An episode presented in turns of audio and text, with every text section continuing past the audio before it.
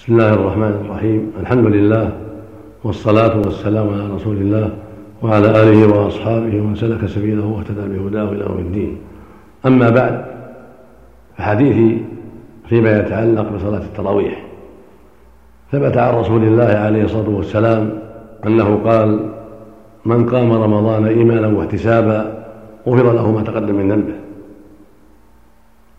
وكان عليه الصلاة والسلام يرغب أصحابه في قيام رمضان ولا يأمرهم فيه بعزيمة ولكن كان يحثهم على ذلك ويرغبهم فيه عليه الصلاة والسلام. ويقول عليه الصلاة والسلام إن الله فرض عليكم صيامه وسلمت لكم قيامه فمن صام رمضان وقامه إيمانا واحتسابا غفر له ما تقدم من ذنبه.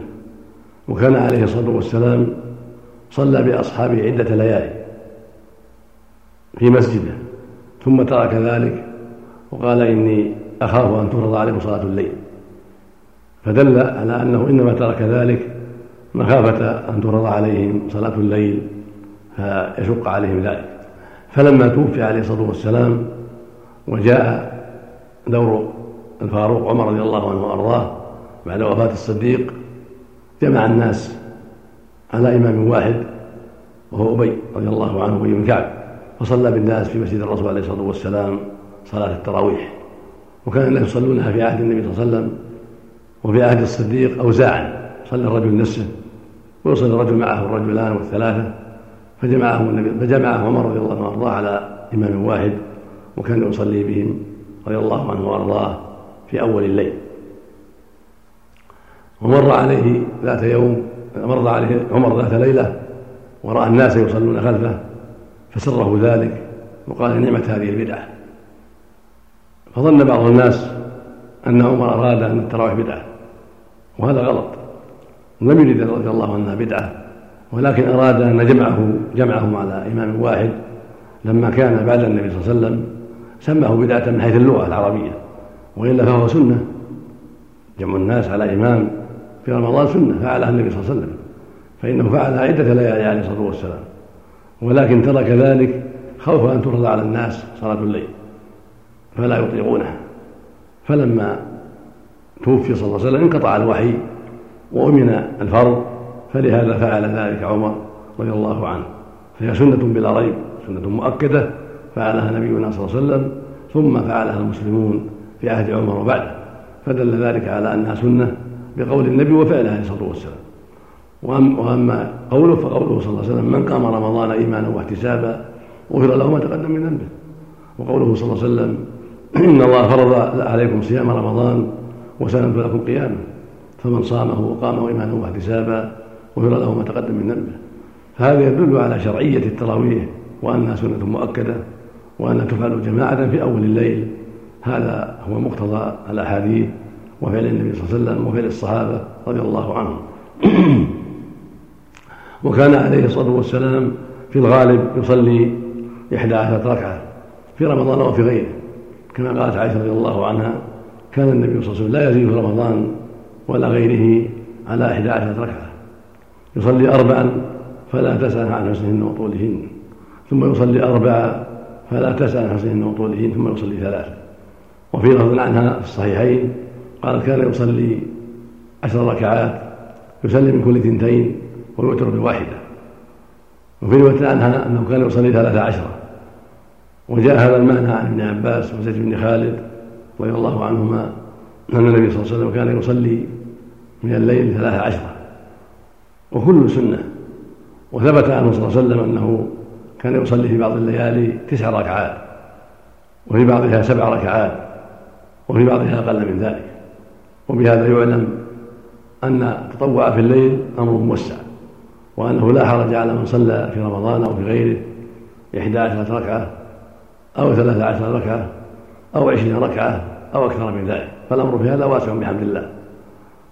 وهذا هو معنى كلام شيخ الإسلام ابن تيمية رحمه الله وغيره من العلم والتحقيق. ومن زعم أنه لا تجوز الزيادة على إحدى عشرة ركعة أو على ثلاثة عشرة ركعة فقد غلط وأخطأ. فإن الرسول صلى الله عليه وسلم لم ينهى عن الزيادة وكان ربما ترك الفعل وهو يحب أن يفعله يقم بالأمة لئلا أشق عليها عليه الصلاة والسلام. وقال عليه الصلاة والسلام صلاة الليل مثنى مثنى فإذا خشى أحدهم الصبح صلى ركعة واحدة توتر له ما قد صلى ولم يحد حدا في صلاة الليل عليه الصلاة والسلام لا في رمضان ولا في غيره. بل أخبر عليه الصلاة والسلام أن صلاة الليل مثنى مثنى وهذا يعم التراويح وغيرها ويعم رمضان وغيره ولم يقل صلاة الليل إحدى عشرة ركعة ولا ثلاثة عشر ركعة ولم يقل صلاة الليل في رمضان كذا وكذا فدل ذلك على التوسعة في ذلك. وقول النبي صلى الله عليه وسلم أقوى من الفعل وأعم من الفعل لأن الفعل يحتمل احتمالات كثيرة. قد يكون فعله صلى الله عليه وسلم حين اقتصر على 11 ركعة 11 ركعة للرفق بالناس وخوف المشقة عليهم. وقد يكون فعله آه، لأسباب أخرى. منها بيان التوسعة في الأمر ولهذا صلى ثلاثة عشرة صلى ثلاثة عشرة ركعة وصلى سبع ركعات وصلى تسع ركعات. فإذا كان الأمر هكذا علم أن اقتصاره صلى الله عليه وسلم في غالب الأحوال على إحدى عشر ركعة لا يدل على التقيد بذلك وأنه لا يجوز غيرها. بل هذا يدل على أن هذا هو الأفضل لما فيه من الرفق ولا سيما في حق من راعى طول القيام والركوع والسجود كفعله عليه الصلاة والسلام. وإذا أحب أن يخفف بعض التخفيف وجعلها عشرين أو ثلاثين مع الوتر أو أكثر من ذلك فلا حرج في ذلك. لعموم قوله صلى الله عليه وسلم صلاة الليل مثنى مثنى فإن معناه يدل على أنه لو صلى عشرين أو ثلاثين مثنى مثنى فلا حرج في ذلك بل هو سنة وقربة ولكن يختم الوتر فينبغي أن يعلم هذا وينبغي لأهل العلم والإيمان أن يوضحوا ذلك حتى يكون المسلمون على بصيرة في هذه السنة. وينبغي المؤمن في هذه الحال أن يعنى بترتيل القراءة والخشوع في القراءة والخشوع في الركوع والسجود والطمأنينة لأن بعض الناس في التراويح يصلي صلاة لا يعقلها بل ينقرها نقرأ ويقرأ قراءة لا تعقل ولا تفهم من العجلة فلا يجوز هذا. بل هذا منكر والواجب على المؤمن أن يتحرى فعل النبي صلى الله عليه وسلم الذي فيه التأسي به والعناية بما يصحح الصلاة ويحفظ عليه حقيقتها وما شرع الله فيها. أما العجلة والنقر فذلك من المنكرات التي لا تجوز لا في الفريضة ولا في النافلة لا في التراويح ولا في غيرها. والمشروع للمؤمن دائما أن يتحرى الأكمل والأفضل في صلاته وفي سائر أفعاله. والصلاة هي عمود الإسلام وهي أول شيء يحاسب عنه العبد يوم القيامة فالواجب أن يعنى بصلاته عن الفريضة وأن يحافظ عليها وأن يطمئن فيها وهكذا النافلة يشرع له أن يطمئن فيها بل يجب أن يطمئن فيها وأن لا ينقرها نقرا فإن الصلاة التي تنقر لا صحة لها ولا يجوز فعلها بل يجب أن يطمئن في صلاته كلها. فرضها ونفلها حسب ما جاء في الشريعة المطهرة. وقد رأى النبي صلى الله عليه وسلم شخصا يصلي ولم يطمئن في صلاته فأمره أن يعيد الصلاة. فدل ذلك على أن الطمأنينة أمر مفترض في الفرض والنفل. فالواجب على أئمة المساجد وعلى كل من يصلي بالناس بل على كل مسلم أن يطمئن في صلاته فرضها ونفلها وأن يحذر ما حرم الله عليه من النقر والعجلة. وشرق الصلاة فإن عدم الطمأنينة سرقة للصلاة. قال النبي عليه الصلاة والسلام أسوأ الناس سرقة الذي يسرق صلاته. قيل رسول كيف يسرق صلاته؟ قال لا يتم ركوعها ولا سجودها. فعليك يا عبد الله أن تعنى بصلاتك وأن تطمئن فيها وأن تخشع فيها لله عز وجل سواء كانت فريضة أو نافلة وأن توجه الناس إلى الخير وأن ترشدهم إلى مرض الله عز وجل.